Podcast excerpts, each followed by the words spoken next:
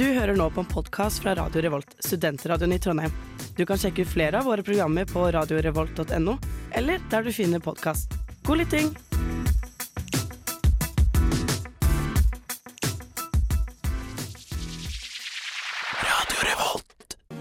Stemningen er over 9000 i en helt ny episode av Nerdeprat, spillmagasinet på Radio Revolt.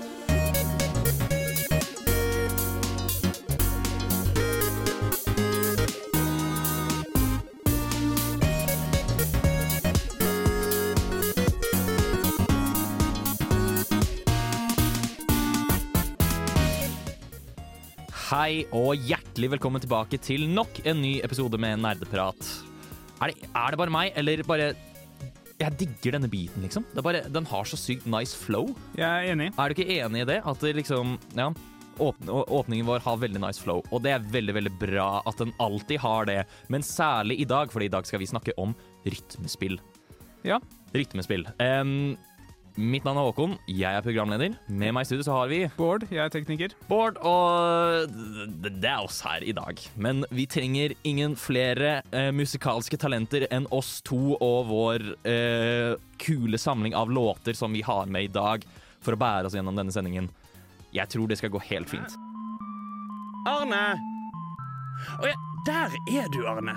Neimen, sitter du her og drikker databrus og hører på nerdeprat? Du hører faktisk på Nerdeprat, eh, og deilig for deg om du har en databrus i hånd. Det har faktisk jeg. Hvem skulle trodd at Trym Håkon Hvit Monster Sundby hadde med seg monster inn i studio? Eh, vi starter med en innsjekk, sånn som vi alltid gjør. Eh, og Bård, hva har du gjort slash spilt siden sist? Det er et veldig godt spørsmål, fordi det er faktisk ikke så veldig mye. Jeg har uh, jeg, jeg, jeg prøver å variere av og til, men uh, denne uken har det vært litt uh, Vet du hva, jeg kom på noe i går kveld som på en måte redda meg, faktisk. Fordi i går kveld så fikk jeg endelig satt meg ned med venninne. Vi spilte jeg tror det var ca. to timer av It Takes Two. Ja, ikke sant? Som var veldig hyggelig. Vi har snakket om å gjøre det veldig lenge. Jeg tror hun har spille det med noen andre venner også. Så var liksom da vi startet, bare ja, skal vi bare fortsette fra Jeg bare, jeg tror ikke vi har spilt det sammen tidligere. Men vi startet på nytt. Uh, kom, gjennom, kom oss til liksom tre ute i hagen. Uh, og ja, det er gøy. Det er et bra spill. Ja, hva syns du om det? Jeg merka det nå, nå er jo sikkert det litt ødelagt fordi jeg har sett på noen spille gjennom spillet før, men dialogen og liksom videosnuttene mellom da det faktisk fikk lov til å spille, var veldig lange. Fryktelig lange. Det var liksom, vi, vi satt og bare vendte fordi de har jo en introduksjon for å presentere plott og sånne ting. Og så tar det veldig lang tid, syns jeg, før du faktisk kan få lov til å spille noe. Ja, for jeg føler jo at det, i hvert fall det alle sier som er sjarmen med It Takes Two, er jo at du har så vilt variert gameplay hele tiden. Ja, Og at det på en måte er det som er gøy, at du liksom blir kastet konstant inn i nye situasjoner som du må gjøre noe med. mm. Og da er det jo sånn, Selvsagt er på en måte historien skal jo være rørende og alt det pisset der òg, men det er kanskje ikke like spennende som å spille spillet. Nei, fordi når du liksom allerede vet historien, så er det ikke så interessant å bare få høre at å ja, de har problemer, hun ene jobber for mye, han andre gidder ikke å gjøre ting for å dekke over det, de skal skille seg, og så kommer hun igjen til å bare prøve å få liv noen dokker, og så er, blir det dere. Altså ja, det er en kul det er Klassisk! Det er bare sånn vanlige problemer som alle har vært innom en gang Men altså, iblant. Altså, Vi har alle vært der. Det er en kul historie, men jeg jeg vet ikke om det bare alltid var for lang, eller om det var for lang nå fordi jeg har spilt det før. Det Ja. er litt usikker. Ja, men det gir mening. Eh, annet enn det, jeg har spilt litt Nio 2. Oi. Fordi jeg plukket opp nå som det var på salg. Jeg fant ut at det var mye billigere på norsk Steam enn ellers i, land, eh, i verden, faktisk. Så det koster meg sånn 200 og noe kroner. Eh, Jeg har prøvd å spille eneren. Utrolig vanskelig. Jeg klarer jeg, jeg, jeg, bare sto fast, og jeg prøvde å liksom plukke det opp igjen før jeg kjøpte 9 og 2. Bare, jeg, jeg kom meg ingen vei.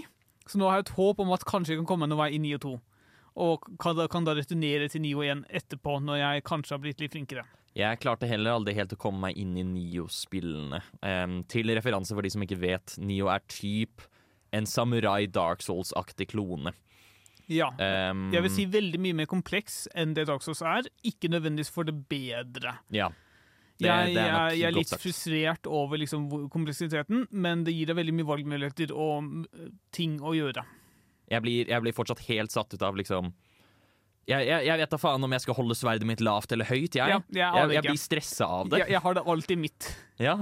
Hvorfor, hvorfor skulle jeg hatt det høyt? Altså kontra mitt? Jeg, tror uh, Det er kanskje mer i 9 og 2, men det er type noe med Hvis du er lav, så kan du gjøre bredere altså, mer, altså Lavt tror jeg er mer forsvarsgreier, at det er litt mer tryggere for deg å spille, mens høyt kanskje er mer aggressivt. Ja, det gir kanskje mening. Hva syns du om 9 og 2 hittil, da? Jeg har ikke spilt så veldig mye, men øh, jeg håper jeg kan bli god nok til å faktisk komme noe vei i det. Ja, vi, vi heier på deg. Vi Takk. får se hvordan det går. Aktung! Aktung! Nerdeprat er på igjen, og dette krever din fulle oppmerksomhet. For vi snakker om de mest sofistikerte emnene i historien, nemlig videospill og andre nerdeting. Jeg sa aktung! Du hører på Nerdeprat. Det er tid for min innsjekk. Um, jeg skal si veldig kort, fordi jeg har syndet, men jeg føler jeg har god grunn. Jeg har spilt league. Ja, men det har også jeg gjort nylig. Ja. Uh, jeg, men jeg har spilt league fordi uh, i dag så endrer de min favorittkarakter i spillet, altså Aurelian Soul. Um, Og du vet at du ikke kommer til å like den nye versjonen. Det vet jeg ikke. Um, jeg, jeg, jeg prøver å gå inn med et åpent sinn, men jeg tror ikke jeg kommer til å like han like mye em, som jeg likte den forrige Aurelian Soul. Til referanse, uh, hele Aurelian Soul sin stikk, han er liksom en stjernedrage. Det er har spilt av liksom 0,1% av spillebasen til league. Ja. Men han har en spillestil som jeg liker veldig godt, som er at han har disse tre stjernene som roterer rundt han konstant. Um, og hele spillestilen hans sentrerer seg rundt på posisjonering og liksom alltid være stå på rett sted i forhold til disse stjernene og fienden. Som jeg syns er utrolig tilfredsstillende når man får til. Ehm, men det resonnerte ikke med like mange. Um, så jeg har spilt league bare for å ta et siste farvel med han. Hvordan gikk det? Det, det gikk greit. Altså, jeg, jeg, det er den eneste karakter Eller én av sånn tre karakterer jeg får virkelig nytelse av i spillet. Så, Men, men var det gøy å spille, eller var det veldig ambivalent? og ja, både òg, egentlig. Eh, altså, jeg syns det var gøy å spille han, men liksom er league. Liga league. Så du får ta det med en klype salt. Ja. Men jeg kan gå over til å snakke om noe mer interessant enn League of Legends. Eh, Jeg kan snakke om mer om Demon Souls. Fordi nå har jeg kommet meg et lengre stykke inn i spillet, eh, tatt en god del av bossene og fullført to områder. OK. Um, fordi altså, Strukturen til Demon Souls er jo at det framfor at du går en lineær progresjon gjennom masse forskjellige områder, at det ene området kobler seg til det andre, så er heller Demon Souls delt opp i fem forskjellige leveler. Ja. Um, og jeg har innsett at jeg liker egentlig ikke spillet så godt. Nei, men altså, jeg tror det er det mange andre også sier. Altså, Demon's Souls er det Altså, jeg skal ikke si verste fordi Dark Souls 2 eksisterer, Men, men, jeg lurer nesten på om jeg liker det mindre enn Dark Souls 2. Ja, men det, det, jeg, jeg har ikke spilt det nå Ja. selv heller. Fordi det er um, jeg, jeg, jeg elsker atmosfæren til Demon Souls, og enkelte av bossene og historien og slikt er ganske kult. Men det er, jeg har det ikke så veldig gøy når jeg spiller spillet. Nei. Som er overraskende, fordi um, det har litt lignende level design til Dark Souls 1, bare langt ifra like bra. Ja.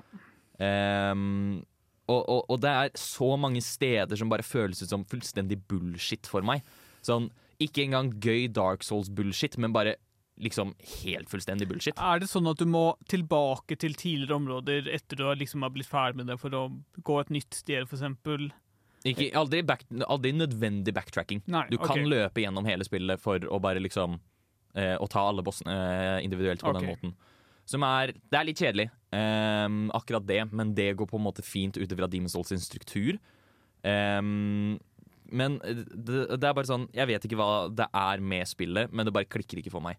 Har det ikke også sånn lignende kaossystem som uh, Dishonored, hvor uh, valgene du gjør, påvirker Jo, ting. ehm, det kalles uh, world tendency og character tendency. Um, Mm. Og måten du øker eller senker den du får, du får svart world tendency hvis du dør i menneskeform.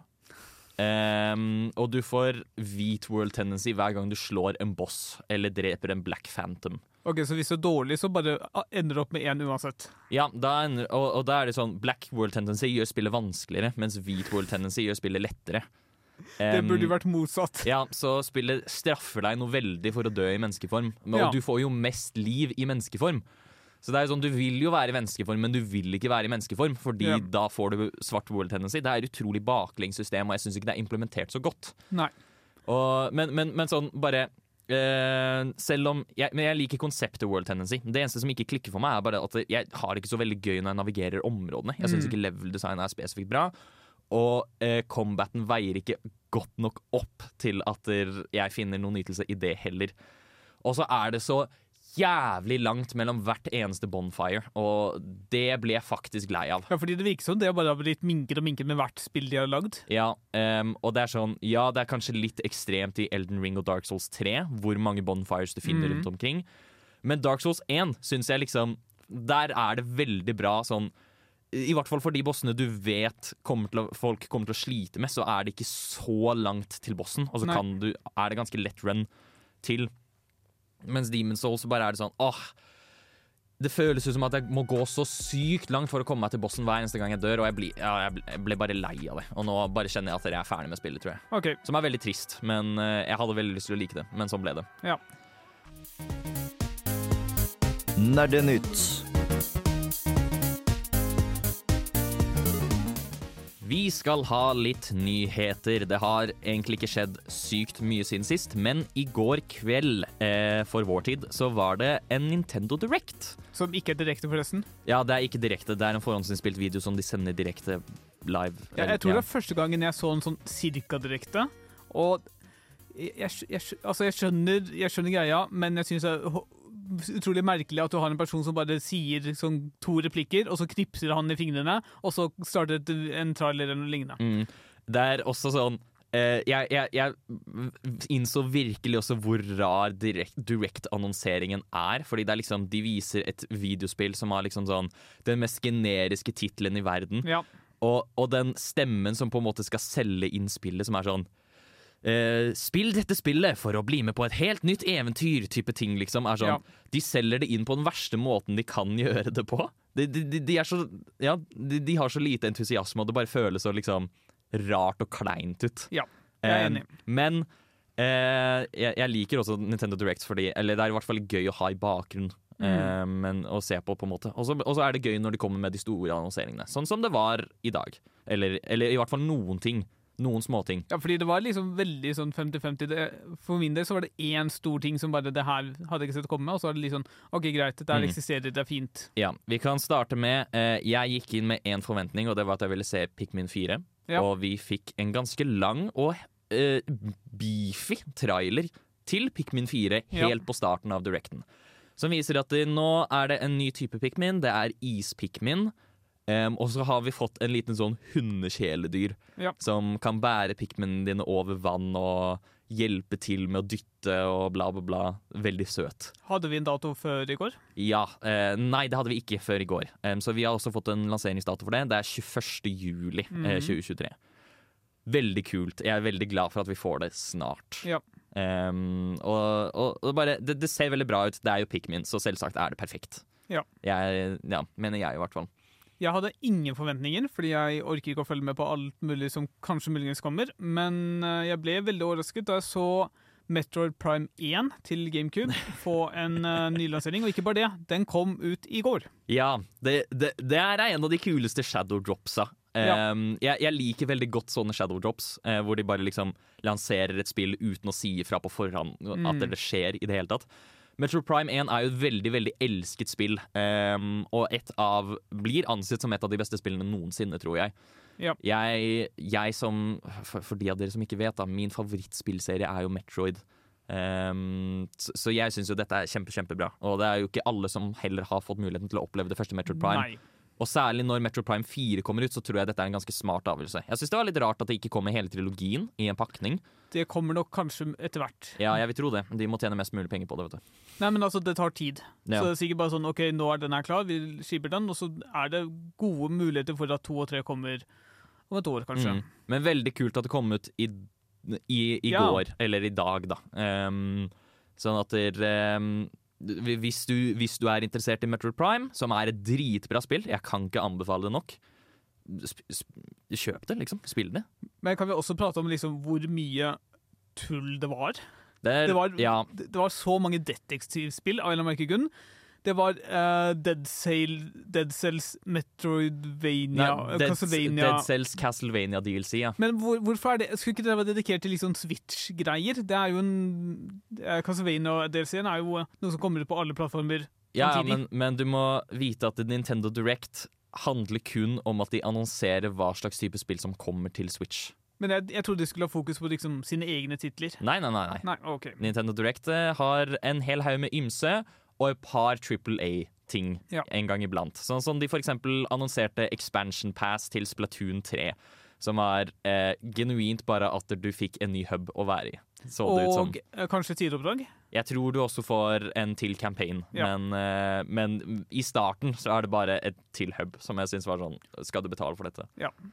Eh, og Tears of the Kingdom var liksom Ja, vi fikk se mer av det, men var det noe nytt jeg, Det er, um, det er The Legend of Zelda Nuts and Bolts. Um, du lager biler, hva er det jeg forsto. Okay. Du, ja. du, du kan lage fartøy nå, liksom fly og biler og bla, bla, bla. Som var litt gøy, Uh, I guess. Men de kunne godt vist noe annet. Ja, de kunne vist noe mer av det, fordi ingen forstår fortsatt helt hva gimmicken til Nei. spillet er. Men, eh, men, men kult at vi får se mer. Uh, og kult at de kommer med ny, mer Mario Kart også. Ikke at jeg nødvendigvis har kjøpt den utvidelsen ennå, men det er jo veldig bra å se nye karakterer og nye baner. Ja, nettopp. Uh, apropos, var det vi nevnte jo Metro Prime. Uh, veldig rart eller, Altså veldig, veldig kult at de kommer med Metro Prime 1. Hvor Syns fortsatt det er kjemperart at de ikke har sagt noe som helst om statusen til Metro Prime 4. Ja. Om de bare Altså, de, det er jo kjempeannonsering til å bare si vi er på vei, det har framgang. ja. Bare si det, liksom, så føler folk seg litt tryggere på at de, de får Metroid Prime 4 en eller annen dag. ja. Jeg, jeg syns det er veldig rart at de liksom insisterer på at de skal holde det så hemmelig som mulig. Men, men. eh, Jeg vil si overall en B direct. ja. Kanskje B pluss, siden vi fikk se Pikmin 4 og Metroid Prime. Fy faen, for en uh, flow, ass. Den biten her slapper, altså. Jeg skal ikke lyve. Shit, ass, dette må jo være nerdeprat.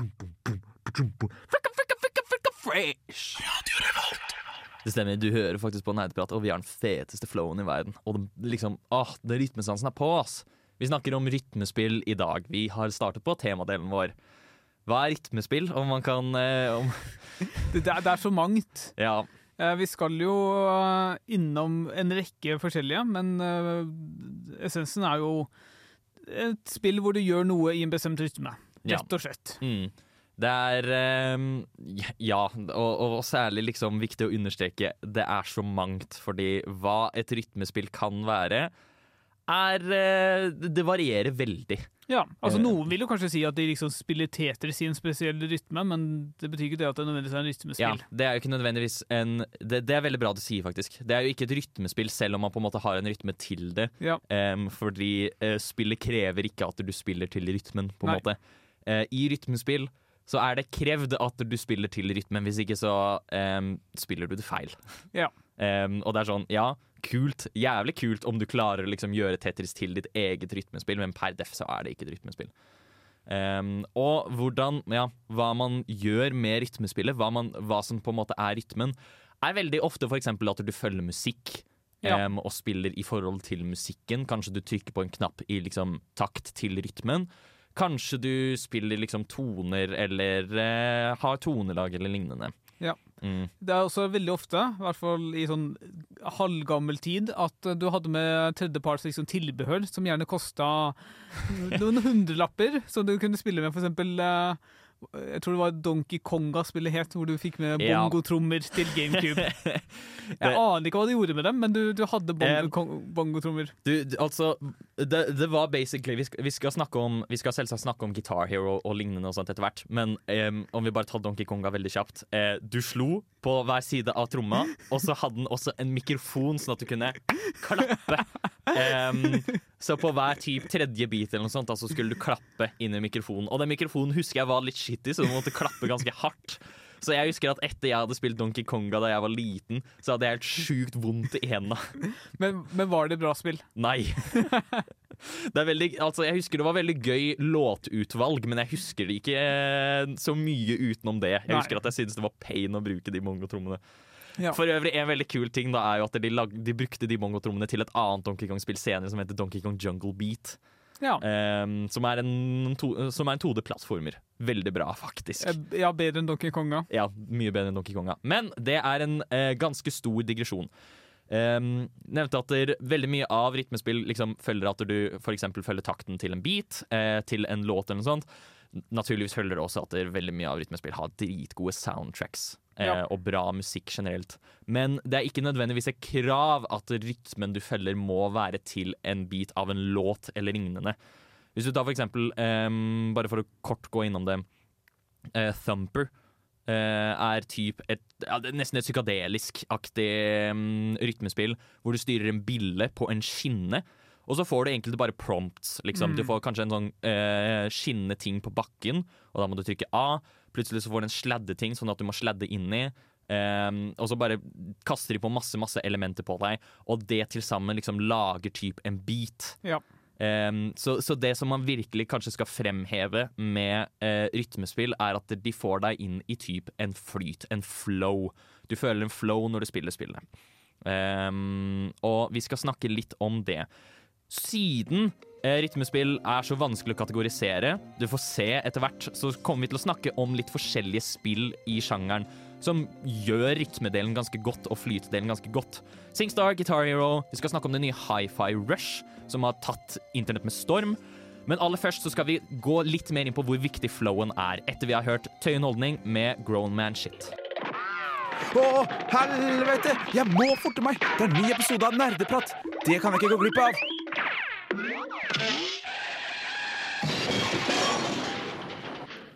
Du hører på Nerdeprat. Vi snakker om rytmespill, og er det én ting som er viktig når du skal lage eller spille eller hva enn med et rytmespill, så er det flow. Du skal komme deg inn i en flow, og det er på en måte det rytmespillet ønsker at du skal. Ja. Um, for å bare, sånn som jeg nevnte innledningsvis, um, så må ikke nødvendigvis et spill ha deg til å liksom følge et lydspor eller slikt. Eh, men veldig ofte så er det jo det, for eksempel. Eh, og da er det jo veldig lett å på en måte følge med på beaten. Eh, hvis du Ja. Eh, Jeg har jo en eh, personlig erfaring utenfor spill også. Jeg har spilt eh, instrumenter i noen år. Og da merker man også at det er veldig lett å Altså, fordi av og til så leser du ikke nødvendigvis noter. Du bare kan eh, vet hva som du skal spille på et tidspunkt, fordi du har terpet det, du har eh, øvd det ganske mange ganger. Og det er også det som kan være gunstig å ha i spill, ved at du f.eks. har en rytme som spillet bygger opp, og så bygger du videre på det. Så har du fortsatt de samme grunnelementene som da føles naturlig, og så bygges det litt opp videre. Og kanskje du ikke klarer det første forsøket, men kanskje på tredje forsøket så har du da klart å lære de nye delene, og så kan du bygge deg videre på det. Mm, mm, det, nettopp det. Det er akkurat det samme som at Jeg vet i hvert fall veldig mange rytme, rytmespill med lydspor hvor du f.eks. skal matche ting til en beat, har på en måte to sånne streker som går mot midten. Ja. Og så skal du på en måte da trykke på den knappen eller hva enn det er, akkurat idet de to strekene møtes. Mm. Det er på en måte beaten du følger. Og da vil det jo være veldig naturlig at du kanskje ser på den litt i starten, men etter hvert så bare sitter det. Og Ja. da trenger du ikke å se på den tingen lenger. Eller du bare hører på en måte hva beaten skal være, og slikt. Mm. Um, og ja. Eh, Men, men det må som nevnt ikke bare være lydspor. Em, hvis vi tar eksempel Rhythm Heaven, altså vi nevnte også Thumper, som på en måte alt sammen på en måte Alle de forskjellige mekanikkene som glir over til hverandre eh, for å bare danne en beat og en flow. Når, når, når du liksom eh, kommer deg inn i det, på en måte, så blir eh, så, så er jo Thumper noe helt eh, eget på den måten. Ved at det, det skapes en beat, og det skapes liksom en rytme til det. Og du bare du får Du kommer inn i en flow-status. Ja. Um, og Rhythm Heaven eh, lignende er på en måte Der er det små minispill i stedet. Um, altså, altså lignende WarWare. ja, lignende WarioWare. For eksempel, en av dem er at du spiller bordtennis. Mm -hmm. um, hvor uh, Ja, og, så, og, og da skal du bare liksom følge med på um, typ beaten og liksom se, følge med på pingpongballen til mo, uh, motparten din, som sender ballene. Og så skal du matche den biten, rett og slett. Ja. Så hvis han slår hardt, så skal du også slå Hvis han slår fort, så skal du slå fort. Hvis han slår tregt, så skal du også slå tregt. Kanskje, Og så kommer det type typ inn en flyt det, og det er bare at du spiller bordtennis, Ja, liksom. så det er ikke noe lyd i bakgrunnen som sier når du skal slå. Eh, Rhythm Heaven spesifikt har jo en type musikk og beat i bakgrunnen som ofte matcher eh, med ehm, Spilleren, spilleren, eller det du skal ja, gjøre. det du skal gjøre. Men det er ikke det som er indikasjonen på Altså, du følger ikke beaten for å finne ut når du skal trykke. Nei, det bare, du bare finner ut underveis at å ja, det passer jo utrolig bra. Ja, det bare passer helt liksom sinnssykt bra, men det er sånn, du kan ikke forutse når, for eksempel, fordi plutselig så kan jo de endre takt, ikke sant? Ja. Um, for når du skal trykke, um, og da må du bare følge med på det, på en måte. Mm. Og det er heller der hvor liksom Ja, så du kan ikke høre på musikken for å vite når um, Når du skal trykke. Du, du må heller liksom komme deg inn du må, du må følge med, og du trykker på en måte når du føler det. Ja. Og det er det flyten er, på en måte. Men altså, for å ta litt ting utenfor dette også. Man, har, man får jo rytmer i de fleste spill. Jeg merker jo når jeg spiller for Nio så er det alltid type sånn tre, tre raske slag, og så kanskje ho- hoppe litt unna, eller kanskje tar et litt sterkere slag og sånne ting. Ja. Altså du det er jo mange spill du bare spiller og lager rytme selv bare fordi det føles naturlig, og du finner ut at ok, hvis jeg gjør dette her i denne rekkefølgen her, eksempel i slåssespill, hvis jeg gjør komboen i denne rytmen her, så blir det bra. Altså Ja. Da får jeg det til. Mm. Og så bare terper du det, og så bare sitter det i hendene dine, da. Ja, nettopp. Um, det, man, det blir veldig naturlig, og man har jo lyst til det. Rytmespill særlig, da. liksom Vektlegger det veldig, og på en måte skaper tilfredsstillelse ut ifra at du liksom treffer rytmen, kan man Ja. vel nesten si. Den flyten du kommer inn i i andre spill eller noe slikt, der er, det, der er det mer tilfredsstillende for deg, på en Mm. måte. Eh, Men i rytmespill så er det meningen at du skal komme inn i den flyten, og da er det jo kjempegøy når du faktisk kommer inn i den flyten. Ja. Eh, Du føler deg liksom Du føler deg ett med lydsporet, du føler deg ett med spillet, ikke sant? Du føler at du Ja, hva skal man si? Du, du føler det flyter. Ja, det er nettopp det. Um, og det er eh, Ja. Og vi skal jo da gå gjennom litt forskjellige spill i dag um, og se på ja, hvordan de fungerer som rytmespill. Mm. Uh, kanskje av og til hvordan de kombinerer seg med andre sjangere og slikt. Men det du vil se som er liksom felles for alle, er at alle har på et eller annet vis en flyt du kommer deg inn i. På et eller annet vis. Det er DJ MacLeod Banks. Du hører på Nerdeprat. God gaming.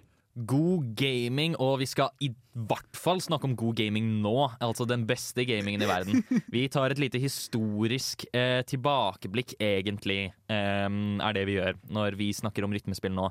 For vi skal snakke om den typ det aller første eh, skikkelige braksuksessen innenfor rytmespill-sjangeren, kan man kalle det.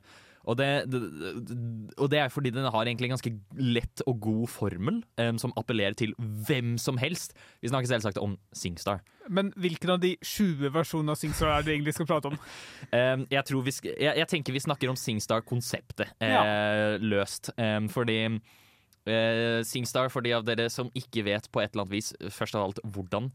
Um, og for det andre har jo hatt veldig mange forskjellige utgaver eh, opp gjennom tidene. Jeg husker veldig godt uh, PlayStation 2. Da kjøpte du en pakke med to mikrofoner, rød og blå, Ja.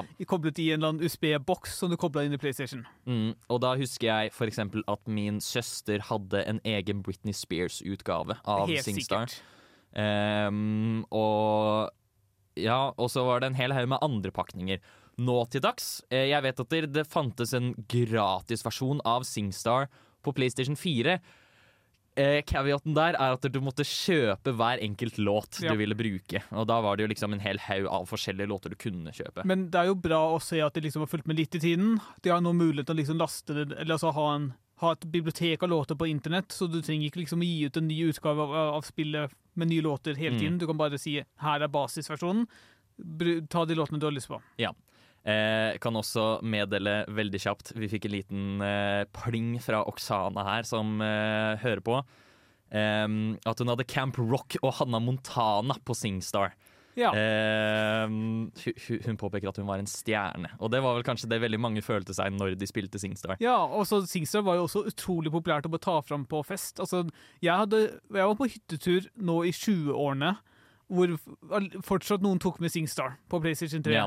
og hadde allsang på en prosjektor på, en, uh, på et uh, loft. Ja. Eller ikke helt loft, men overetasje. Det, og det, det er jo ikke vanskelig å se hvorfor Singstar spesifikt ble jo en suksess. Alle elsker å synge. Ja. Alle elsker å synge. Altså, ja. Altså, det er jo det du gjør når du kjører bil alene mens du hører på radio. Du synger med låtene som spilles der, og så kan du bare gjøre dette i plenum og vise hvor mye bedre du er enn alle andre. Mm. Um, og det var jo også jeg, jeg husker jo alle Absolutt alle elsket det jo da vi var yngre. Og selv liksom folk som egentlig var litt tonedøve. Ja, ja. Um, fordi det er jo det som er greia med Singstar. Du må egentlig ikke synge noe som helst. Eh, så lenge du har riktig stemmeleie, Ja. så kan du bare lage lyder. Sist jeg spilte Singstar, eh, på et tidspunkt så bare sang jeg sang. Og jeg merket at jeg traff ikke noen av notene. Um, og da begynte jeg bare i stedet øh, øh, øh, Og da traff jeg så mye mer. Fordi det var mye mer jeg, jeg, Ja, jeg nyanserte stemmen min litt mer, da. Så det er jo på en måte ikke noe verre enn det. Men det er jo ikke gøy. Man vil jo synge med, Ja, ja, så klart. Um, men ja, og, og da er det sånn, da er det veldig riktig. Vi har snakket om denne flowen og på en måte at man skal føle rytmen og sånt. Og hva bedre måte å gjøre det på enn å synge en låt? Ja. Altså, ja. Eh, Jeg var hos tante og onkel eh, sikkert rundt juletiden og sånn, for mange år siden. Og liksom, de, de spiller jo som regel ikke fordi de er opptatt med andre ting, de har barn. liksom sånne ting, Men én ting de kunne finne på å gjøre, var å ta fram Sigstar. Ja. Det er liksom det ene eksempelet på ting, liksom spillrelaterte ting de kunne finne på å gjøre. ja, nettopp. Og Det viser bare hvor allment tilgjengelig dette er. Det er jo bare det er jo karaoke, bare hjemme hos deg. Ja. Så det er ikke noe rart at det tok av som en storm, og, men så døde det også sånn umiddelbart omtrent. Det er genialt. um, og det er, ja, det er veldig rart at det liksom ikke fortsatte ehm, og ta verden med storm etterkant. Men er fordi eh, vi så jo en tidlig Nintendo Direct hvor de skulle ha et nytt liksom, lignende spill som ikke heter Singstar, fordi Singstar tror jeg er relativt dødt som merkevare, Mm. men Let's Sing eller Jeg tror det allerede er på Switch, faktisk. Ja. For de som ønsker det. Og da bruker du mobilen din, er jeg ganske sikker på, Ja. som mikrofon. Men Så at jo, du slipper å ja, skaffe deg hele driten. og det er jo veldig bra. Det er et veldig bra konsept, og, men jeg skjønner også at folk går litt lei, fordi det er, eh, konseptet kan dø litt ut. Ja. Det, det kan jo det. Og det er sånn og, og, ja, absolutt en gøy ting å ta opp en gang iblant, Singstar. Um, Spesielt altså, i festelag, på hyttetur Ja. lignende, hvor du er en 20 stykker kanskje, som eh, har, skal drepe tiden en lørdag kveld, for eksempel. Mm, ja. Uh, Singstar passer kanskje ikke helt fullstendig med på en måte den type rytmespill vi i hovedsak kommer til å snakke om i dag. Eh, men det er likevel verdt å nevne at selv dette som bare er karaoke, og du synger med, liksom Du føler flowen, du føler beaten, Ja, du du- føler rytmen. Du synger jo kanskje noe til favorittlåten din, så Ja, klart er det, er, blir du engasjert og utrolig motivert. Ja, nettopp. Så det er sånn um, Der er det jo nesten litt sånn uh, Hva skal man si Et, et, et eh, metanivå av på en måte rytme og feel og flow, på en måte. Fordi Ja. det er heller liksom låta som engasjerer deg, framfor på en måte at spillets mekanikker gjør det. Mm. Som eh, Ja. Det er, det er ikke rart at på en måte Singstar er så elsket på den måten. Vi skal også gå innom eh, en til av ja, disse Eh, braksuksessene. Eh, definitivt. Vi skal snakke om det som før var det aller mest solgte spillet i hele verden. Vi skal altså snakke om Guitar Hero. Eh, men ikke før vi har hørt en låt. Vi skal høre Glør. Ohayo, minisan, konnichiwa. Du hører på Nerdeprat, nja-nja. På Radio Revolt, desune. Uvu. Du hører på Nerdeprat, og som nevnt så skal vi nå snakke om Guitar Hero. Og de andre Guitar Hero-lignende spillene, fordi de er, de er ikke alene. Nei, de er ikke alene. De prøvde på en måte ja, hva skal man si? De fanget lyn i flaske eh, med Guitar Hero-serien, kan man vel nesten si. Og de klarte ikke helt å eh, få det til igjen senere. Når de prøvde på det på nytt etter Guitar Hero-crazen var over. Men, men det kommer vi tilbake til. Eh, først av alt skal vi snakke om Guitar Hero, som Ja, hva skal man si om det? Det er et spill hvor du spiller på en plasskontroller som ligner på en gitar. Gjerne med de, de tidligste versjonene, og de som er de mest kjente, hadde fem knapper. Ja. Som er litt uh, vanskelig, fordi du har kun fire fingre utenom tommelen. Ja, men eh, det er jo sånn man eh, det, det er jo rett og slett bare for å etterligne en gitar. Em, og for å gjøre det litt sånn videospillig. Sånn at det, uh, og, det, og, og det å redusere uh, strengene til bare fem knapper, gjør det jo at hvem som helst kan spille på den Ja. gitaren. Fordi jeg husker veldig godt uh, fra min barndom Jeg jeg, jeg, kunne liksom, jeg kunne klare grepene på gitar, men aldri være at jeg kunne bytte grep fort nok til liksom riktig grep. Så for meg så var gitar jo en reddende engel, å si. Ikke at jeg hadde store drømmer om å spille gitar, men bare det å kunne liksom vise at OK, jeg kan, kan spille noe lignende til denne låten her. Og det er utrolig gøy også å spille en eller annen favorittlåt du har på Altså spille rytmen sin favorittlåt du har på noe som ligner på en gitar. Ja, fordi det er nettopp det. Um, gitarer hadde jo forskjellige vanskelighetsgrader, og liksom avhengig av hvilken vanskelighetsgrad du tok, så gikk sporet fortere, men også um, du hadde flere knapper å trykke Ja. på. Så du, hvis, du var, hvis det var helt umulig for deg å trykke på den oransje knappen, som var den femte knappen, så kunne du gå medium, og da fikk du bare fire knapper i stedet. Altså. Medium var perfekt, fordi det er kun fire knapper som er liksom Da har du én finger på hver. Mm. Um, og så- har du også en liten sånn, hva skal man kalle det, spak Ja. nede, som på en måte skal være at du strømmer gitaren. Um, forklar gitarhero, det er litt gøy. Ja. Men, men ja, um, og, da, og da er det jo sånn spesifikt. Uh, men jeg mener jo det at selv om på en måte medium er perfekt for de som ikke er like gode, så er det ikke det samme som Fordi på ekspert er jeg ganske sikker på er den beste oversetningen til uh, hvordan låta faktisk er. Ja, uten tvil. Ja.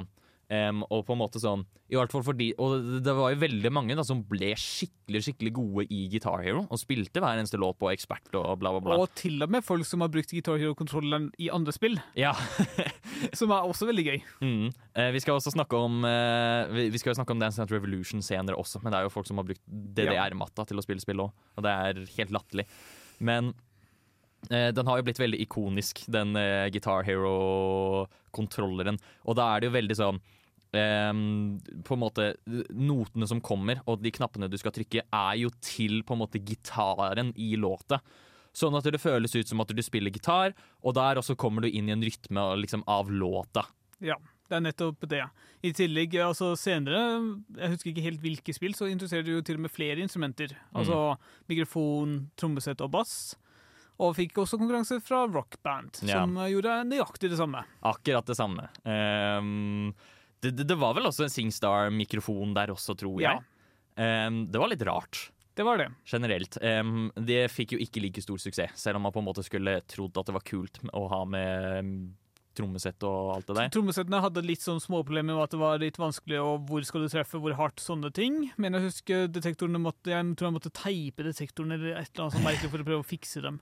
Så det var, det var ikke like liksom, feilfritt som det å bare sitte ned. Fordi, altså, det, det, var, det er litt sånn Trommesettet var litt mye. Ja, Men det å bare sitte seg ned i en lenestol og spille gitar, det var godt nok. ja nettopp. Um, og for å bare liksom virkelig understreke, da. Um, Guitar Hero 3 um, tjente vel uh, ca. 1 milliard dollar i salg. Det er helt sinnssykt. Ja, helt sinnssykt. Og, typ, uh, så kom rockband og alt det der typ, uh, par en stund Mm. etterpå. Og nå er sjangeren helt død. Ja. Nå finnes ikke Guitar Hero lenger. Guitar Hero Live kom ut Nå husker jeg ikke helt hvor, men det er det nyeste. Men det er ikke veldig nytt. Mm. Men de har, liksom, de har gitt ut et spill i liksom PlayStation 4-æraen, og det er det. Ja. Det finnes jo folk som på en måte har laget sin egen modda versjon av Guitar Hero. Hvor de kobler eh, gitaren opp til PC, og så kan de liksom uh, lage maps av hvilken som helst låt de vil. Som er utrolig kult for de som fortsatt liker spillet veldig godt. og sånn. Ja. Eh, Jeg mener jo da kanskje at suksessen, eller at eh, grunnen til at Guitar Hero feilet som de gjorde, var fordi de burde bare holdt seg til gitaren, og liksom sjarmen med gitaren. Hva skal man si? Ja, og så tror jeg de de pumpa ut kanskje litt for mange spill i en periode, fordi det var en periode hvor det var Altså etter Guitar Hero 3 så kom det Guitar Hero 4, det kom også Gitaro Metallica, Aerosmith Guitar Hero World Tour. Ja. Eh, masse forskjellig drit som er sånn Ja, kunne ikke bare alle disse vært ett spill med utvidelser? Ja. ikke. Eller bare spart dem til liksom Guitar Hero 5, 6, whatever. Men også konkurransen gjorde at miljøet ble splitta, fordi altså Instrumentene kunne ikke brukes om hverandre, så du måtte liksom velge ett økosystem Ja. som du forholdt deg til. Og eh, det drepte sjangeren litt. Du har i tillegg Rocksmith, som jeg en venn av meg fra studietiden liksom anbefalte varmt, men jeg har fortsatt ikke helt peiling på hva det egentlig gjør, annet enn at det er gitars, gitarspilling, det også. Ja, nettopp. Men jeg vil også bare påpeke hvor utrolig innflytelsesrik Guitar Hero var, fordi til og med South Park lagde en Guitar Hero-episode Ja. som er utrolig bra. Utrolig, utrolig Den utrolig er morsom. kjempegøy, faktisk. Og den viser bare hvor dumt konseptet egentlig er, men at den fungerer så bra også. Min favoritt er når han, når han ene er sånn Å, kan du spille John the Fisherman? Og så bare spiller han på liksom Han trykker på knappene på en restaurant. Ja, en akustisk Guitar Hero-gitar. Ja, og da er det sånn Wow, shit, han er god, ass. Ja. Fy faen. Og det er bare, jeg vet ikke Men man, man forstår jo skikkelig godt hvorfor Guitar Hero ble en så stor suksess. Og Ja. det er jo dritgøy. Det er Mm. kjempemorsomt. Og liksom Litt gøy å føle at man kan spille gitar. da Ja. Litt kult å føle at man er like god som det. Vi har tatt med et låtvalg fra uh, Guitar Hero 3, selveste Guitar Hero 3. Um, Det er og- første låten du spiller. ja, det er en av de mest ikoniske låtene fra hele Guitar Hero-albumet, om man kan kalle det det. Um, vi skal nå høre Foghat med Slow Ride her på Nerdeprat.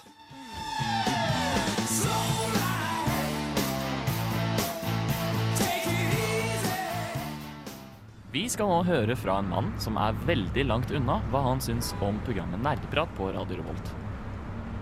Nerdeprat er veldig gøy! Vi snakker om nerdeting og dataspill! Sånt liker jeg!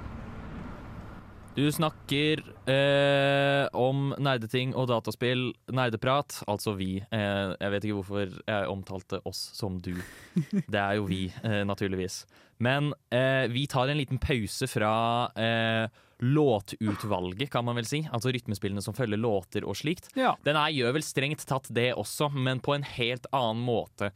Det er jo en egenkomponert låt ja. spesifikt for spillet. Um, og dette er et kjempegodt eksempel på hvorfor det er så sykt vanskelig å kategorisere rytmespill inn i generaliseringer. Ja. Fordi vi skal snakke om et spill som heter Crypt of the Necrodancer, og da naturligvis også et spill som heter Cadence of Hyrule. Som er ca. det samme spillet, bare litt forskjellig. Ja. Um, Crypt of the Necrodancer handler om at uh, du spiller uh, ei jente som heter Cadence, og Mhm. hun skal liksom eh, ja, grave seg inn i The Crypt of the Necrodancer. Og i krypten så beveger du Så er det liksom melodi, det er låter eh, og slikt, og du må alltid bevege deg til beaten. Ja, blir ikke omtalt som forbannelse, sånt, og bare, hun bare oppdager ja, vent, hva er den rytmen her, hva er den musikken her, Ja. sånne ting. Så all, hver eneste handling hun gjør, eh, må gjøres til beaten. Og det gjør også fiendene. Fiendene beveger seg også til rytmen Ja. og beaten av eh, låta. Da får du liksom en liten indikator på bunnen, hvor du på en måte du har et hjerte i midten, og Mm. to bare fra hver sin side som går mot, liksom til en takt. Ja. Um, og dette det er et kjempegodt eksempel da, på hvorfor det er så vanskelig, fordi dette er en dungeon crawler, men hvor du må gjøre absolutt alt til rytmen av spillet. Men det er designet på en så utrolig bra måte at ja. Det er jo en moderne klassiker, vil jeg si, for de som liker rytmespill. Og for å si rett ut, det er ikke alle som gjør det. Altså, Jeg vil tørre på også at veldig mange vil finne Crypto altså, utrolig stressende og slitsomt å spille. Ja, eh, definitivt. Men for oss som uh, liker sånn type spill uh, Jeg liker det veldig godt. Jeg er ikke veldig god. Jeg tror jeg kommer til liksom andre sone eller noe sånt. Ja. Og ikke aldri lenger enn det. Jeg syns det er veldig gøy. Ja, å komme meg bare til tredje sone én gang, tror jeg. Em, og ikke stort mye lenger. Det er veldig vanskelig spill, eh, men det er også så kult og veldig smart designet spill. Fordi eh, i hvert fall eh, måten de håndterer eh, at fiendene beveger seg til rytmen, gjør også Crypt of the Necrodancer til et veldig kult spill, fordi du må på en måte Du må kunne klare å gjenkjenne mønstre, samtidig som at du reagerer, og du havner i en flow, som vi alltid har snakket om. Fordi hver eneste fiende har et spesifikt mønster til hvordan de beveger seg til rytmen. Mm. Sånn som for eksempel eh, skjeletter. Eh, de, eh, de vil stå stille på første bit, og på andre bit så vil de heve armene sine, og på tredje så hopper de ett skritt fram. Ja. Um, og da vil det jo naturligvis å være liksom Se rundt hvilke fiender du har i rommet. Hvem er eh, den største trusselen? Hvem skal du ta ut først? Hvor, hvilken rekkefølge? Hvordan skal du posisjonere deg og bevege deg sånn at du ikke tar skade? Ja. Um, Og forhåpentligvis dreper dem også. ja, og du må jo gjøre dette hele tiden til en takt som går typ sånn her. Eh, av og til Ja. litt kjappere, av og til litt tregere, på en måte. Og, og hvis du ikke har- funnet ut hva du skal gjøre ennå, så må du bare bevege deg fram og tilbake for eksempel, til du finner ut hva du skal gjøre. Ja. Hvis ikke så Um, taper du bonus eller et eller Ja, annet sånt. du, du, får, du får en multiplier eh, av hvor mye penger du får eh, hvis du er i riktig takt. Og hvis du fucker opp takten eller du står stille, eller noe sånt, så mister du den multiplieren, og da får du jo mindre penger som du trenger for å få bedre utstyr. Ja. Så eh, der er det på en måte sånn hvis du bommer, så blir du på en måte straffet, men ikke hardt. Som Nei. jeg tror er den rette måten å gjøre dette på. Men det er en så kreativ måte å liksom gjøre et rytmespill på. De har også en modus, tror jeg, eller en karakter som ikke trenger å bevege seg i rytmen, men det anser jeg som juks. Ja, det er jeg enig i.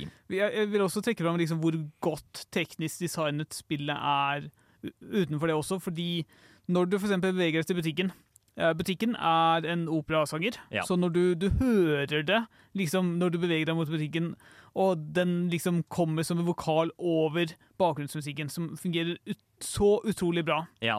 Og i tillegg når liksom eh, banen, eh, tiden begynner å løpe fra deg, fordi du har en Du har kun til låten er ferdig med å fullføre banen, så vil du da Jeg tror det, det begynner å gå saktere. Det er en visuell indikator som bare sier at nå um, de barene som går mot hjertet ditt, begynner å bli røde Ja. når du har jeg tror 30 sekunder igjen. Men du hører også på låten at nå begynner den å bli ferdig. Ja, nettopp. Um, så, så, så du har jo på en måte den audioindikatoren og slikt.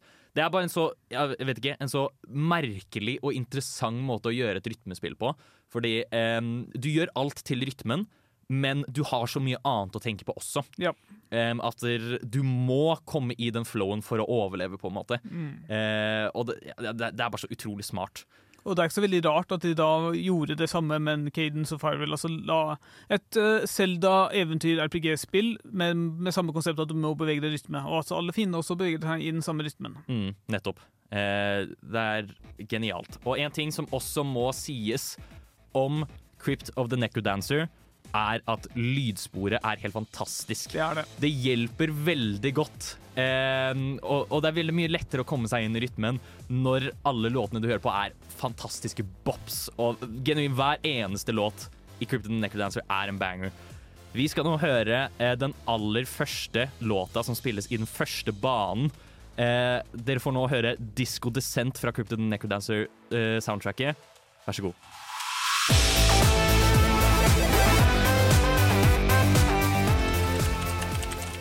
Martin, gutten min, du må komme deg middag! Å, mamma! Jeg kan ikke sette på pause nå! Jeg er midt i en heftig episode av Nerdeprat! Vi skal nå gå over til å snakke om Ja, hva skal man si, grunnen til at vi har denne sendingen, egentlig. Ja. Um, nye Smash-hit um, som har tatt verden med storm. Dette var også en shadow drop som de annonserte på samme dag som det kom ut. Ok. Um, altså Hi-Fi Rush. Hi-Fi Rush er eh, typ en hack and slash rytmespill. Det vil altså si at der, eh, spillet har typ et eh, det, det har jo blitt eh, forenklet lite grann, men i stor grad liksom et eh, Devil May Cry-aktig combat-system. Okay. Hvor em, du slåss mot mange fiender samtidig. Du kan gjøre helt crazy komboer og slikt. Men du får på en måte eh, bonuser hvis du gjør eh, knappetrykkene dine til rytmen av låta. Hvor vanskelig er det å faktisk gjennomføre? Både og. Jeg har ikke helt klart å venne meg til det ennå, men eh, jeg syns det er veldig, veldig gøy. Ja. Um, og det er eh, Det er ikke så vanskelig som man skulle trodd, på en måte. Um, og, og spillet er veldig forgiving i på en måte timingen din, og du kan også fint spille spillet ved å liksom bomme på hver eneste ting. Mm. Um, du, du vil bare ikke du, Og det vil bare bli litt vanskeligere, og du vil ikke få like god score um, på slutten. Fordi um, du gjør jo mer damage. Du gjør mer skade på fienden hvis du treffer notene. Ja. Det, det som har skjedd, da er at det liksom em, Hovedkarakteren på en måte har skadet armen sin permanent, så han drar til dette stedet for å liksom få en robotarm eller slikt. Men så klarer på et eller annet vis musikkspilleren hans, hans eh, iPod eh, mm, ja. Nano? Hæ?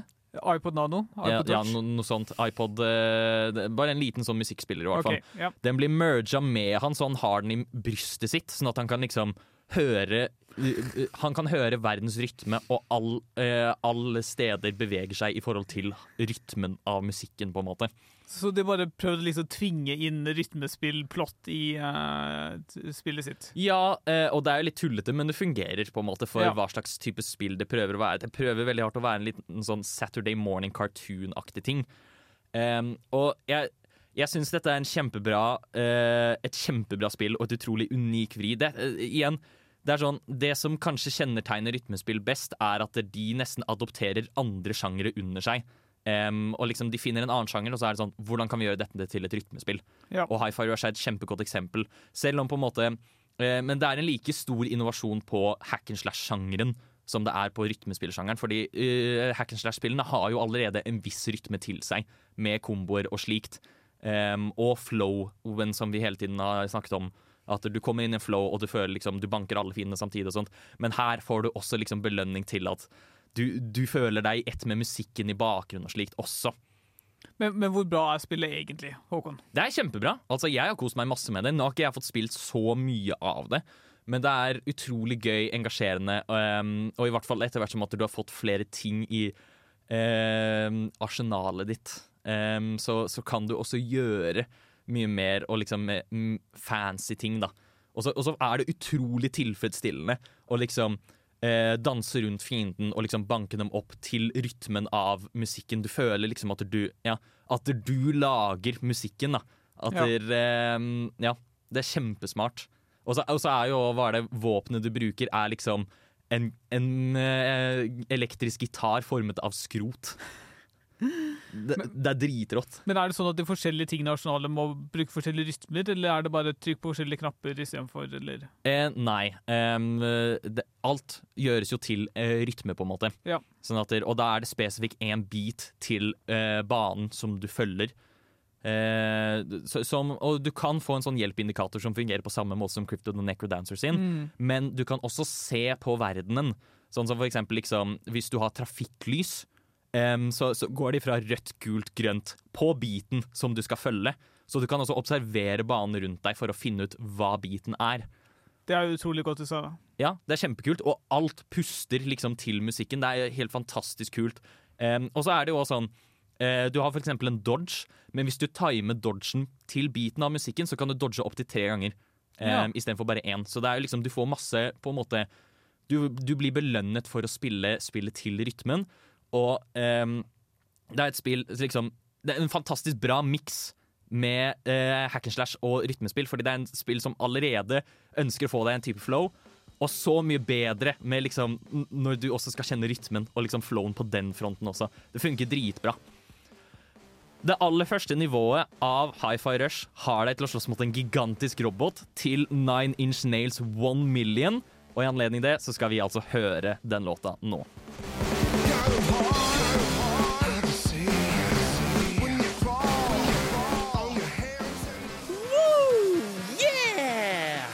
Du går hen. Festen er ikke over ennå, du hører jo fortsatt på nerdeprat! Woo! Vi hopper nesten egentlig litt tilbake igjen, um, fordi nå skal vi gå videre til å snakke om uh, Vi har snakket om sang, vi har snakket om spille instrument, og så har vi snakket om eh, litt forskjellige andre sjangerbrytende Eller ikke sjangerbrytende, men andre alternative, rare rytmespill som på en måte ikke kan generaliseres i noe spesifikt. Nå skal vi snakke om dans. Vi skal snakke om Dance Dance Revolution, som òg altså ikke nødvendigvis tok veien med storm, men det har blitt en ganske ikonisk eh, ting. Jeg, jeg våger å påstå at ja, den er veldig ikonisk. Den tok på ingen måte være med storm. Jeg Ja. tror jeg kjenner én, to, to personer kanskje som noensinne har hatt en sånn dansematte. Ja, men eh, det er, Og det skal kanskje klargjøres da at DDR nødvendigvis ikke var liksom en hjemmeting. Det var i stor grad noe du spilte på Ja, ja, så klart. Ja. Så, det, er- så det er jo i hovedsak en arkadespill. Men det var jo rett og slett eh, du, du velger en låt, og så har du fire piler rundt deg. eh, opp, eh, ned, høyre, venstre. Og så må du trykke på Du må tråkke på riktig pil i, etter hvert som de kommer på skjermen, og så skal du danse til uh, låta som kommer. Ja. Og det, og det er jo egentlig det. Um, det. er det, det, det, er ikke så, det er ikke så veldig mye mer å si på en måte om spillmekanikkene til Dance Dance Nei, det er bare det at det også blir liksom mer komplisert etter hvert. Eh, Du, må, altså, du starter vel med én fot på én pil, men så blir det etter hvert to føtter på to biler. Kanskje blir det to Altså to føtter på to piler, og så umiddelbart etterpå to, begge føttene på andre piler istedenfor. Ja. Så du må liksom finne la, Kanskje du må holde én pil inne mens du trykker eh, på andre pil med Ja. den andre foten. Ikke sant? Sånne ting. Et utrolig Altså veldig simpelt i konsept, men det må være utrolig slitsomt å spille. Ja, eh, jeg, jeg syns jo det er veldig interessant i, i hva det på en måte prøver, fordi det er jo Dance Dance Revolution. Du skal jo faktisk danse. Ja. Um, hvor Ja. Men dansingen føler, virker som føles naturlig. Det er veldig liksom mekanisk og liksom Ja. Mm. Ja, nei, det er jo sånn um, Jeg føler liksom kanskje den som på en måte ehm, Et av de mediene jeg har sett i nyere tid som prøver å selge inn Dance Dance Revolution som noe fett, eh, er Scott Pilgrim vs. The World. Okay. Um, fordi der er jo um, hovedkarakteren Scott og en annen liksom, De er ganske pro i Dance Dance Revolution, og da, se, og da bare danser de sånn ordentlig, men bare tilfeldigvis så spiller de Dance Dance Revolution også. Ja. Liksom. Det er jo ikke sånn på ekte. Det, det, Det er jo ikke det. det er i all hovedsak man, de, de aller fleste i hvert fall som spiller Dance Dance Revolution, er ganske stive. De bare prøver å trykke på knappene. Liksom. De gjør ikke en faktisk dans. Men det er fortsatt eh, Hvis man på en måte effektiviserer det, så kan man jo se eh, at det, det kommer en dans der. Men her er det jo liksom mer sånn du, du, de, de prøver å få deg inn i en flyt. Mm. Um, at det liksom det, det er ganske strategisk plassering av på en måte ja, hvilke, hvilke piler du skal trykke på til hvilken tid. Sånn at du, du mest mulig føler at du danser til låta du, Ja. du hører på. Det blir jo nesten bare liksom ett riktig svar du gjør det på. Altså Mm. du, type, du, Den foten må på den foten, og så videre på den. Den foten må på det, den pilen, og så videre og så videre. Mm. Dance Dance Revolution er jo også så f- ja, Så ikonisk og kanskje veldig stort i Østen, da, eh, ville jeg trodd. Fordi for eksempel Mario. Det finnes jo en egen Dance Dance Revolution Mario-versjon. Det visste ikke jeg. Ja, um, som ja, handler om at han liksom må danse mot f.eks. Eh, Waluigi, som har stjålet slottet hans, eller noe sånn type piss. Og da, og da utfordrer han han til en dance-off. Ja. Um, og det er noe av det rareste jeg har sett. Men det, jo, det gir jo mening, da, fordi Arkadehaller er jo generelt mer populært i Østen. Mm. enn spesielt i Norge. Norge har jo omtrent ikke Arkadehaller, så det er ikke noe rart at folk ikke hadde spilte Dance Dance Revolution her. Nei, det er nettopp det. Fordi en sånn matte tror jeg kosta enda mer enn en Guitar Hero-kontroller. Ja, eh, det gjorde jo det. Men eh, eh, vi kan jo fortelle kort om det. Det er jo ikke i likhet med Dance Dance Revolution i det hele tatt. Men det er jo også et annet spill som på en måte Laget av Ubisoft, tror jeg, som heter Let's Dance. Ja. Som eh, i stedet for at du trenger Dance Dance Revolution-matta, så får du heller typ instrukser på TV-en, og så, og så liksom skal du bare følge det, og så tar det opp der Ja, kameraet ja, Kinect eller um, iToy, som ikke er det det heter lenger. PlayStation Kamera heter det kanskje Ja, bare? Ja. noe sånt. Um, men ja, og da, da var det jo sånn at der, uh, det er vel kanskje en mye mer naturlig måte, selv om det på en måte kanskje blir litt stivt der òg, fordi spillet tvinger deg til å lære en dans Ja. veldig fort. Men der er det sånn em, Det det er, på en måte eh, kanskje litt bedre på å få deg inn i rytmen, eller Mm. liksom flowen, mens Let's Dance er bedre på å få deg til å føle at du faktisk danser, Ja. ville jeg trodd, da. Em, men, men det er jo også en grunn til at man liksom ikke har sett Dance Dance Revolution i det hele tatt i Norge, som de sier. Mm. At, der, ja, at det i all hovedsak er Let's Dance, selv om det på en måte heller ikke er så veldig stort. Nei.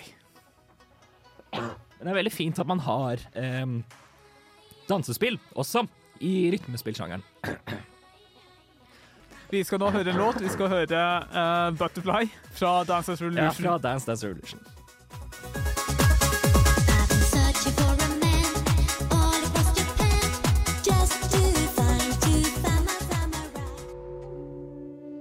Wata!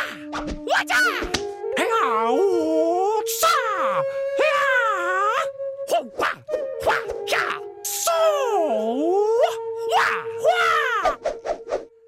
Nerdeprat! Vi har eh, begynt å nærme oss eh, slutten av eh, sendingen. Og vi tenker at vi skal gjøre liten sånn, hva skal man kalle det, oppsummering. Litt ymse Ja. forskjellige ting. Um, Det er jo spill som burde nevnes, som vi ikke har nevnt ennå. Ja, um, det, det skal sies at det er veldig mange flere rytmespill vi også kan snakke om. Men her kommer egentlig delen hvor vi tar opp alle de vi har lyst til å prate om, fordi de enten A er gøy, morsomme på et vis, eller B suger balle. Ja. Um, Du kan starte, Håkon. jeg kan starte med min, Um, fordi en vi åpenbart ikke har nevnt. Vi nevnte at Singstar var egentlig det første rytmespillet som tok verden med storm, men det er jo ikke det første rytmespillet. Det aller første rytmespillet var et PlayStation-spill um, som kom ut i 1997, som kalles Parappa the Rapper. Ja. Um, som er et eh, ganske litt sånn, jeg vet ikke, jeg ville kalt det stygt, Uh, 2D-rart spill. Um, hvor, du, hvor du spiller hunden Parappa. Som Em, rapper. Ja, som uh, ønsker å bli en rapper. Og da er det jo sånn jeg, jeg forstår egentlig ikke helt hvordan det blir til det, men um, du starter liksom i en karate-dojo, og så lærer du flow og rytme der. Um, til, uh, av, uh, av Mester Løk, Master Onion. Ja. Um, det er et utrolig rart og merkelig spill, og veldig elsket av folk. Og det ble jo ansett som det aller første rytmespillet som kom ut, hvor du, jeg tror, trykker på eh, firkant, trekant, x, runding i rytmen til liksom Og så skal du på en måte etterligne de karakterene du rap-battler, kan man vel kalle det? Jeg vet ikke. Har du spilt det? Eh, nei. Jeg har ikke spilt det selv, men det er, jeg syns det virkelig er verdt å nevne fordi det første spillet som prøvde liksom å få deg inn i en uh, flow og rytme, um, fordi ja Spillet i all hovedsak handler om at du trykker på knapper til rytmen, riktig rytme og til riktig tidspunkt. Ok, Før jeg nevner mitt eget bidrag, uh, kommer jeg til å tenke på Hva heter det? Jet Set Radio? Er det et rytmespill? Nei, det er ikke et rytmespill. Åh. Det er bare Det er et uh, Hva skal man si plattformer slash eh, skøyte-skatespill med kickass soundtrack. OK, jeg hadde håpet at de kanskje gjorde noe til rytmen, men der tok jeg feil. Eh, mitt faktiske bidrag er et uh, spill som jeg tror de fleste har glemt at egentlig noensinne eksisterte. Uh, fordi etter Guitar Hero ble veldig stort og tok av, så kom tror jeg det var Activision det også, som kom ut med DJ Hero. og hvis jeg husker riktig, så var det DJ-brett som ble inkludert. Uh, ja, det stemmer. Jeg eide DJ Hero faktisk da jeg var Ja. yngre. Hva, hva syns du om DJ Hero? Uh, jeg husker jeg var veldig skuffet, uh, fordi jeg forventet jo at jeg skulle få lov til å scratche uh, records og bla, bla, bla. Ja. Men all, det, det, det er egentlig ikke så kult. Det er i hovedsak Du har tre knapper på DJ-brettet som du trykker på, Mm. og så har du en eller annen sånn spak som du drar fram og tilbake. Så egentlig bare Guitar Hero, men på en annen, platt, på en annen modell. Ja, eh, og litt sånn sløvere. Du kunne spille datamusikk, da. Altså spill eh, musikk produsert av en datamaskin framfor eh, instrument. Kunne du spille båten Anna? Det vet jeg ikke. Det husker jeg ikke. Åh. Det er jo et eh, fantastisk For de som ikke eksisterte på den tiden, et fantastisk låt av Basshunter Bass Hunter fra sånn type 2000-tallet. Ja. Vår, vår, eh, vår svenske kjenning, Mm. Basshunter. Definitivt. Em, og om vi skal på en måte eh, avslutte med et annet ganske viktig spill da, som vi ikke har nevnt. Eh, DJ Hero, bare sånn rart forsøk, hva kan man jo si da? Jeg, jeg tror det floppa um, katastrofalt. ja, no, men det er fordi det føles ikke Jeg, jeg syns spillet gjør en veldig dårlig jobb på å få deg inn i en flow, Ja. og, og ikke minst få deg til å føle deg som en DJ. Det er jo nesten umulig. Ja, det er ganske vanskelig. Um, neste spill er på en måte virkelig et spill som Det er ikke nødvendigvis så mye om liksom Du skal ikke føle deg som en jedi, eller noe sånt, men det får deg virkelig inn i rytmen og flowen. Det er Beat Saber, som er altså et fantastisk steg, eller et fantastisk bra rytmespill. Fordi du, slår rett og slett blokker med lasersverd til rytmen av musikken. Ja, det bør også sies at det her er VR, så en venninne av meg som skaffet seg VR-sett, eh, spilte det for noen dager siden og liker det veldig godt. Ja. Um, og, og da er det jo også sånn Da beveger du deg fysisk, Fordi da har du disse to tinga som liksom justerer hvor uh, du, du beveger de faktisk med henda, Ja. um, og det også er lasersverdene du slåss med, uh, Mm. eller slår med, i spillet. Så da er det sånn veldig rytme. Da, da, da kommer også kroppen din faktisk i en rytme eh, og følger beaten, på en måte, etter hvert som du ser disse blokkene komme mot deg. Det er òg et spill som krever veldig mye øving, er jeg ganske sikker på, men et spill som folk syns er dritgøy. Ja. Um, ja. Det er som nevnt mange andre spill som vi kan snakke om uh, innenfor rytmespillsjangeren. Der fikk dere tre korte um, om uh, so, s- s- Som virkelig var verdt å nevne likevel. Um, fordi enten de har historisk verdi, eller fordi de er gode eller ganske skittig rytmespill. ja. Ekstra, ekstra, ekstra, ekstra! Kom og hør de nyeste anbefalingene til nerdeprat! Ekstra, ekstra! Det er tid for nerdeprat eh, anbefaler. Vi har snakket om en hel haug med rytmespill som er veldig kule, og hvordan de får deg inn i en flow, og spesifikt. Men nå skal vi snakke om noen av våre egne anbefalinger. Noen spill som vi, Mange av de spillene vi har snakket om, liker vi jo naturligvis. Men enda flere spill som vi ikke rakk å snakke om, men som virkelig fortjener litt oppmerksomhet, er det vel egentlig her. Bård, har du lyst til å starte? Ja, jeg har et som heter Audiosurf. Det er egentlig La meg bare kalle det en gitarklone, fordi det er det det nesten er. Du Du rir på en lydbølge. Du, du kan, du kan. Du kan importere MP3-filer, så det er utrolig fleksibelt. Du kan spille alle favorittlåtene du har. Og så rir du på den lydbølgen og beveger deg fra venstre til høyre, som en liksom, bil på motorvei. Og så skal du prøve å plukke opp uh, bonuser og unngå liksom, farer. Ja. Ganske, ganske veldig enkelt racingspill, bare at det er liksom til en rytme. Du du importerer en lydfil, og så gjør du det til den lydfilen. Det er veldig gøy. Må man liksom eh, holde seg på hva, hva, hvordan, hvordan, fungerer, hvordan er rytmeaspektet? Hvordan må man spille spillet? Altså, det, det blir jo li ikke, naturligvis ikke like bra som eksempel Guitar Hero, men du merker jo at elementer popper opp i forhold til lyden. Altså, um, den, altså den følger rytmen i lydfilen du har importert. Ja. Men det blir jo ikke liksom veldig bra opplegg. Men det er type, til å være noe du kan bruke på hva som helst av lydfiler, er det rimelig bra. Det er tror- jo helt sykt nice. Jeg tror også de jobber, altså Det er et gammelt spill, og jeg tror de også jobber med en oppfølger faktisk, så hold øynene ute for det. Mm, nice. Um, jeg kan kjapt nevne én um, som jeg har snakket ganske mye om på Nerdeprat allerede. Trombone Champ er fortsatt et sykt morsomt, funny, gøy spill. Eh, det eneste rytmespillet som bruker trombone. Eh, og er bare ja, dritbra. Hva skal man si? Eh, hva, hva skal jeg si som jeg ikke allerede har sagt? Jeg ler høyt når jeg spiller spillet. Så hvis du syns at det er gøy å høre em, gamle Bach og eh, Mozart på trombone, så burde du spille trombonekjemp. Men det spillet jeg heller har lyst til å rekke oppmerksomhet mot, er et spill som heter Metal Hellsinger. Det har jo fått ganske Altså ganske god oppmerksomhet, vil jeg si, for et rytmespill å være. Men det er bare et så unikt konsept at jeg må snakke om det. Fordi her har de egentlig gjort litt av det samme som Hi-Fi Rush. Bare i stedet for at det er en eh, liksom hack and slash beat them up, så er det heller en Doom-klone. Altså eh, da inspirert av de nye Doom-spillene. Doom Eternal og Doom 2016. Som er veldig bra. Ja, veldig bra spill. Og det her er også bare så kult at du liksom har um, Ja, et, et rytme... eh, En arena-shooter på den måten, men at du gjør handlingene dine til rytmen av et kickass metallalbum i bakgrunnen. Og da er det også sånn at eh, hvis du skyter på beaten, hvis du dreper folk på beaten, så gjør du også mer skade. Og etter hvert som kombometeret ditt blir høyere, så ligger også musikken til flere instrumenter, sånn at den blir enda mer crazy etter hvert som du spiller bedre. Det er kult. Og da kommer du jo virkelig in the zone. Da vil du jo liksom gjøre det bra, sånn at det liksom eh, Lydsporet går helt fullstendig crazy. Det er kjempekult, og det er liksom Jeg vet ikke. Det det det er en av de kuleste um, rytmespillene jeg har spilt på veldig mange år, egentlig. Altså, eller eller fram til High Fivers kom ut, da, om, om jeg kan si det på den måten. Og det eh, var noen kjappe anbefalinger fra oss.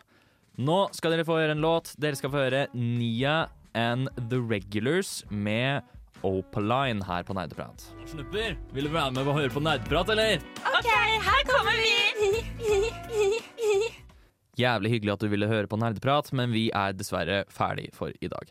Vi har snakket om rytmespill, vi har snakket om hvordan Guitar Hero og Singstar tok verden med storm.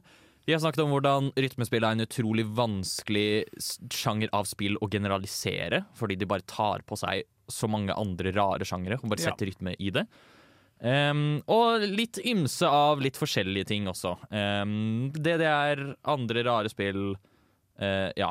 Spill Crypt of the Necrodancer hvis du takler litt stress. Ja, uh, hvis du liker å kjenne musikken og rytmen og flowen i kroppen, så bør du bare spille rytmespill generelt. Og hvis du da også liker litt vanskelige spill, så er Crypt of the Necrodancer kjempebra sted å starte, ville jeg sagt. Hi-Fi Rush òg, selvsagt, uh, vil jeg anbefalt veldig, veldig høyt akkurat nå. Eh, Bangerspill som virkelig Altså, det, ja, får masse prising. Nå Det var alt for jeg hadde for i dag. Her får dere Ebony Riley med Deuce Deuce. Ha det bra. Ha det. Du har lyttet til en podkast på Radio Revolt, studentradioen i Trondheim. Sjekk ut flere programmer på radiorevolt.no.